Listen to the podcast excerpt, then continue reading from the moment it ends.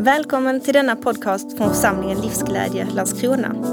Du kommer att lyssna till en predikan inspelad från församlingens söndagsgudstjänst. Vi uppmuntrar dig att efter predikan stanna upp en stund för att fundera närmare på hur din vardag kan formas av Gud. Du kan få hjälp av frågor till eftertanke som du hittar på församlingens hemsida under fliken predikan. Så välkommen att ta del av vår gudstjänst.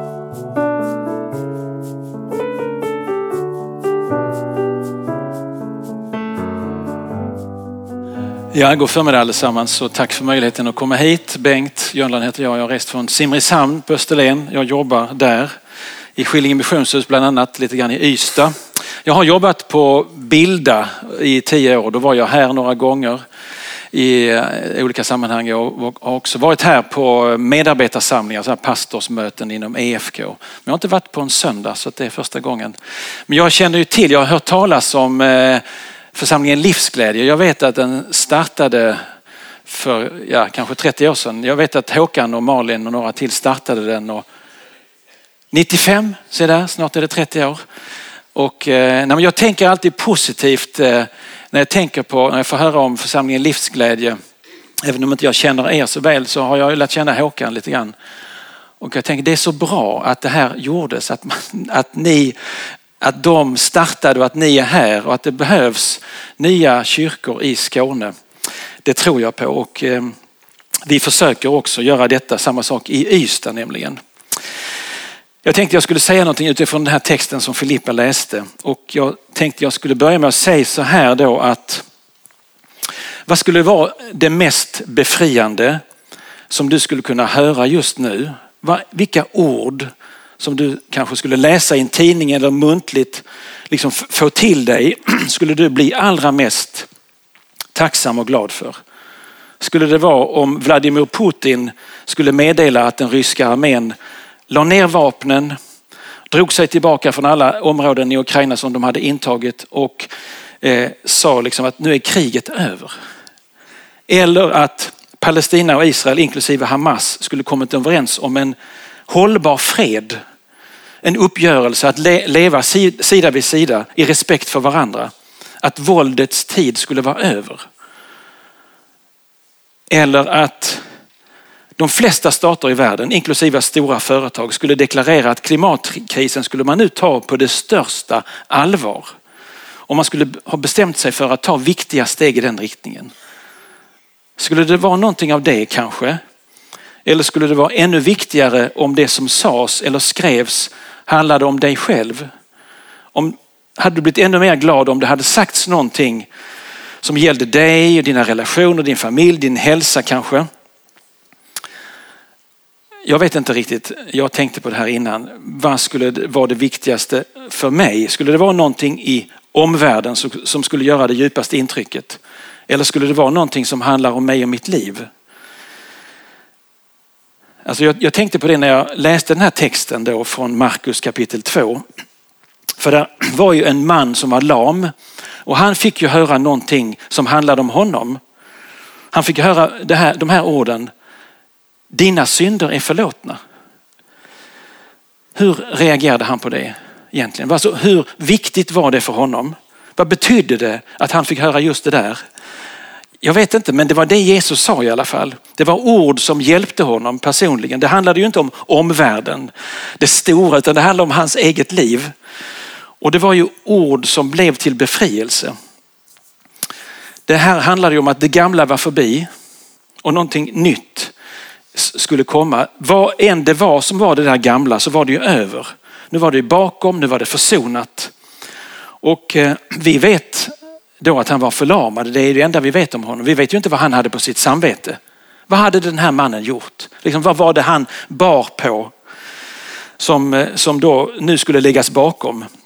Ingenting liksom, vet vi vad han hade på sitt samvete. Jesus visste det naturligtvis. Eh, vad som låg bakom de, de här befriande orden. Du är förlåten. Och för att visa att det här då gällde, att det här blev eh, liksom en verklighet så, så blev han ju typ frisk på kuppen då. Han kunde resa sig och själv gå därifrån. Så det fanns kraft i Jesu ord. Det fanns befrielse och det fanns hälsa i det Jesus sa. Jag skulle vilja säga någonting om det här med trons kraft också för oss. För det finns ju väldigt mycket annat. Det finns ju väldigt mycket hat, våld i vår värld och det är ofta hämnd som vi svarar med. Om vi får vara med om någon oförrätt, någonting ont som drabbar oss så svarar vi många gånger med hämnd. Man ger tillbaka detsamma istället för förlåtelse som då Jesus kom med. Det är många gånger lika för lika, öga för öga, tand för tand. Och vi behöver inte leta länge för att liksom hitta exempel på det här. Det finns överallt runt omkring oss. Alltså den brutala våldsvågen den drivs av det här, eller hur? Hämnd. Ett mord leder till nästa mord som leder till nästa och nästa. Och eh, vi läser om det som händer i Gaza och Israel. Det är samma sak, det är en lag om vedergällning. Liksom, va? Vapen, så, raketbeskjutningar, det är precis det som vi fick över oss, det ger vi till dem. Det är inte så konstigt kanske, liksom det är det här som vi många gånger vi människor lever med. Många samhällen, många kulturer tror jag ser förlåtelse som en svaghet. Alltså hämnas det är någonting som är nästan en moralisk plikt. Det borde man göra. Är man en rejäl människa så ger man ju tillbaka. Man tar inte bara emot. En person, en familj, ett samhälle kan liksom leva av det här och följa det här. Den här lagen, vedergällning. Det bara fortsätter och fortsätter, eller hur? Jag vet inte om du kommer ihåg hur det var på Nordirland för en del år sedan. Det höll på ganska länge där mellan olika grupper. Det var också vedergällning år efter år. På Balkan, där slets de här länderna i tu, isär, därför att man gav tillbaka med hämnd. Och det har nu hållit på i årtionden i Israel och Palestina. Och jag tänker, hur ska det sluta om inte man kommer in med förlåtelse? Jag vet inte, finns det någon annan väg än att man använder förlåtelse? Men många säger ju, det finns inget annat språk, de förstår inget annat språk. Och så lägger man, lägger man ut en ny bomb eller så riktar man geväret mot ytterligare en, en person. Liksom, hur ska den här onda cirkeln brytas?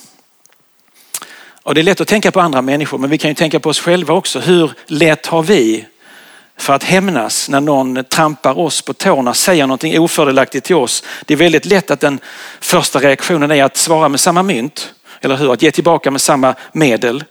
Om någon säger hårda ord till mig så blir det lätt hårda ord tillbaka. Om någon är snål mot mig så blir det snålhet tillbaka. Att vi ger ungefär detsamma och kanske trappar upp det lite grann. Jag vet inte hur du tänker om det, om det är så här det går till. Att man bemöter andra på samma sätt som man själv blir bemött man har ju, vi har ju våra svaga punkter där vi reagerar instinktivt. Vi skulle vilja gjort annorlunda men det blir ofta liksom en reflex. Och, och de som då svarar med hämnd, jag, jag, tror att många av dem också tänker att Gud gör likadant. Han är på samma sätt. Att eh, Gud ger igen. Om någon liksom är, anklagar Gud för någonting, ger, ger honom så svarar han. Han kräver ändå gott uppförande, eller hur? Va? Är inte så Gud är? Antagligen tänkte de här männen, de här eh, skriftlärda männen som satt i det här huset där Jesus då mötte den lame mannen. Jag tänker, tror att de ungefär tänkte på det sättet. Den här mannen firades ner genom taket. Så säger Jesus att han förlåter. Och, och eh, de här männen som satt där, de tänkte nej, nej, nej, nej, nej. Gud förlåter inte hur lätt som helst. Här måste vi göra upp det här på rätt sätt. Liksom. Han kräver bättre beteende av oss innan. Liksom. Och så säger bara Jesus rakt ut i luften så här att han bara förlåter. Och då protesterade de ju instinktivt. Aha, det, det där kan vi inte tolerera. Liksom. Men Jesus han skänker förlåtelsen utan vidare. Och jag tänker det här är någonting av det mäktigaste som finns i vår värld, förlåtelse. Jag vet inte om du vet, kommer ihåg, har läst om, det fanns någonting i Sydafrika som heter sannings och försoningskommissionen. Som startades av ärkebiskopen Desmond Tutu. Och eh, det var så att förövare och offer möttes på många ställen i landet. Man berättade då tillsammans om det fruktansvärda man hade varit med om mellan svarta och vita. Man lyfte upp de här övergreppen som hade skett, de här morden och illdåden. Man möttes och man talade om dem. Så att offren på det här sättet fick upprättelse och förövarna blev synliga även om de då slapp fängelse. Man åkte runt från plats efter plats i landet och liksom ordnade de här mötena där offer och förövare fick lyssna på varandra, liksom fick höra vad den andra berättade. Det var både sanning och försoning. Och Desmond Tutu han skrev en bok om detta som jag har läst. Det är en mycket stark och mycket berörande läsning. Han påstår att man förhindrade ett inbördeskrig genom att ordna sådana här möten med sanning och försoning. Men många gånger så är det här ganska omöjligt för oss kanske i vår vardag. Vi tycker att nej, nej, nej, nej jag kan inte ge förlåtelse åt honom där. Det får, det får det ordnas på något annat sätt. Vi är inte beredda liksom att ge det eller ta emot det. Att ge liksom den andra fri från den här bördan, den här skulden som han eller hon har. Man vill hålla kvar lite så att man kan anklaga. Jag kan inte förlåta. Du har hört det. Jag har hört det många gånger. Men så tänker inte Gud. Han är alltid beredd, han är alltid villig, alltid liksom öppen för att räcka ut en hand och intresserad av en god relation. Och han släpper kravet på vedergällning direkt om det är någon som vill det. Och Jesus säger då, min vän, du är förlåten. Så det finns en kraft i försoningen från Gud och mannen blev så att säga frisk på kuppen. Och berättelsen börjar ju då med att det är fyra män som bär den här förlamade mannen hela vägen då på en bår fram till huset och så är det jättemycket folk i vägen. Om du såg det här framför dig när texten lästes, det var ju folk utanför och inuti, liksom, det är bara poppat. Så de kommer inte in genom dörren och då går de inte hem igen besvikna utan de går de upp på taket, antagligen ett platt tak. De är fyllda av en övertygelse att de, de ska få hjälp. Jesus ska hjälpa den här mannen.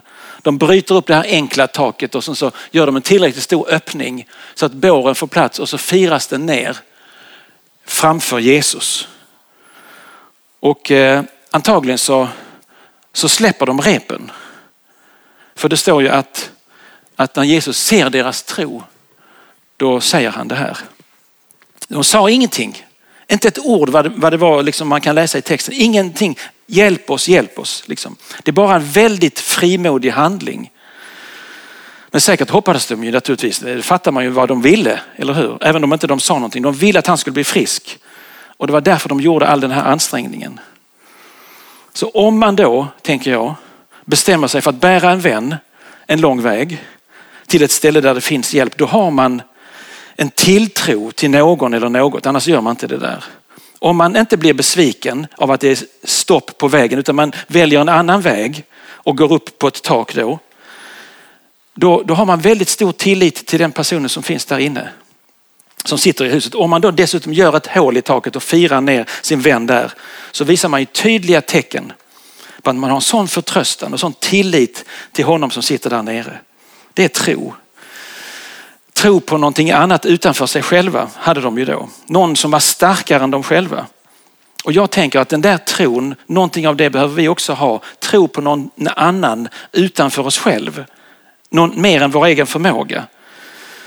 För vi behöver också komma fram till Jesus. Vi behöver också sätta tro till honom, den, den han är. Och de här fyra männen de satte ju sin tro till, till Jesus. Det var liksom deras enda hopp. De kunde ju inte vara hundraprocentigt säkra. Men de, vad jag ser framför mig så, så, släpper de repen. De håller inte kvar liksom. Gick det inte så firar vi upp honom igen. Nej, nej, nej. De släpper. Och det är när Jesus ser det, det står när Jesus såg deras tro. De har inte sagt någonting. Det enda de har, enda, men de, det de har gjort, liksom, de har släppt, öppnat upp och släppt ner. När han såg deras tro, då sa han, min vän, dina, dina synder är förlåtna. Och alltså hur vågar de göra det här? Liksom, vad, vad, har de, vad har de för rätt By the way, det står liksom när Jesus var hemma, var det Jesu eget hem? Var det hans eget hus? Var det hans eget tak som de sabbade? Jag förlåter er, jag förlåter er. Nej, det var inte det. Det var inte det. Men alltså varför vågade de detta? Vad är det de har varit med om innan? Hur kan de vara så övertygade eller ja, har sån tilltro? Antingen så har de sett något liknande, hört något liknande att Jesus kan eller så är de bara desperata. Får jag läsa den här texten en gång till? Och eh, så, så får du känna efter, liksom, vad, vad slås du av mest? Vem är du av de här personerna? Några dagar senare kom han tillbaka till Kafarnaum och det blev känt att han var hemma. Det samlades så mycket folk att inte ens platsen utanför dörren räckte till längre. och han förkunnade ordet för dem. Då kom de dit med en lam som bars av fyra män. Eftersom de inte kunde komma fram till Jesus i trängseln bröt de upp taket ovanför honom och firade ner bädden med den lame genom öppningen. När Jesus såg deras tro sa han till den lame, mitt barn, dina synder är förlåtna. Nu satt där några skriftlärda och de tänkte för sig själva, hur kan han tala så? Han hädar ju. Vem kan förlåta synder utom Gud? Jesus förstod i sin ande vad de tänkte och sa till dem, hur kan ni tänka så i era hjärtan? Vilket är lättast? Att säga till den lame, dina synder är förlåtna eller att säga, stig upp, ta din bädd och gå. Men för att ni ska veta att människosonen har makt att förlåta synder här på jorden så säger jag dig, och nu talade han till den lame, stig upp, ta din bädd och gå hem. Och mannen steg upp tog genast sin bädd, gick ut i allas åsyn så att de häpnade och prisade Gud och sa, aldrig har vi sett något sådant. Ja, om vi tänker på mannen då. Det var ju väldigt intressant att han som kom dit och som då hoppades på att bli fysiskt frisk. Han längtade efter att kunna gå och röra sig som alla andra. Han fick det, men han fick någonting annat också. Han som längtade efter en frisk kropp, han fick också vad jag tänker mig en befriad själ. Han slapp bära den här bördan av vad det nu var för någonting. Vad det nu var som han hade gjort, som tyngde honom kanske, som pressade honom, som kanske till och med plågade honom. Vi vet inte. I Guds namn blev han fri och fick förlåtelse. Mannen var förlamad. Han kunde inte röra sig, eller hur? Va? Och så blev han frisk. Och så tänker jag på oss. Är det inte så att vi också ibland i vårt inre är förlamade? Vi kan inte göra det vi vill göra. Vi skulle vilja göra det där men det är liksom bara omöjligt. Jag kanske inte kan säga förlåt. Jag kanske inte kan sluta med det där beteendet som egentligen är destruktivt. Jag kanske inte kan ta det där ansvaret som jag egentligen borde ta. Du vet man kan hamna i en ouppklarad händelse. Man kan ha en relation till någon som inte är bra längre. Vi skulle önska att vi kunde säga förlåt, ta kontakt. Men vi kan inte. Hur vi än tänker att vi borde, hur vi än vet att vi skulle förmå oss att göra det och få till en försoning så kan vi inte. Vi är som förlamade. Du vet man kan hamna i ett beteendemönster som inte är bra, som inte vi tycker om, som vi vet att vi borde sluta med.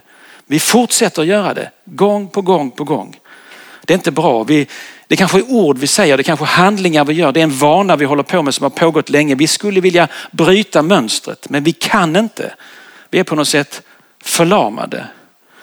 Du vet att man kan glida ur sitt ansvar. Det är lätt att glida bort från det. Vi borde ta det här steget. Jag borde liksom göra det här. Det här är mitt ansvar. Ingen annan kan göra det.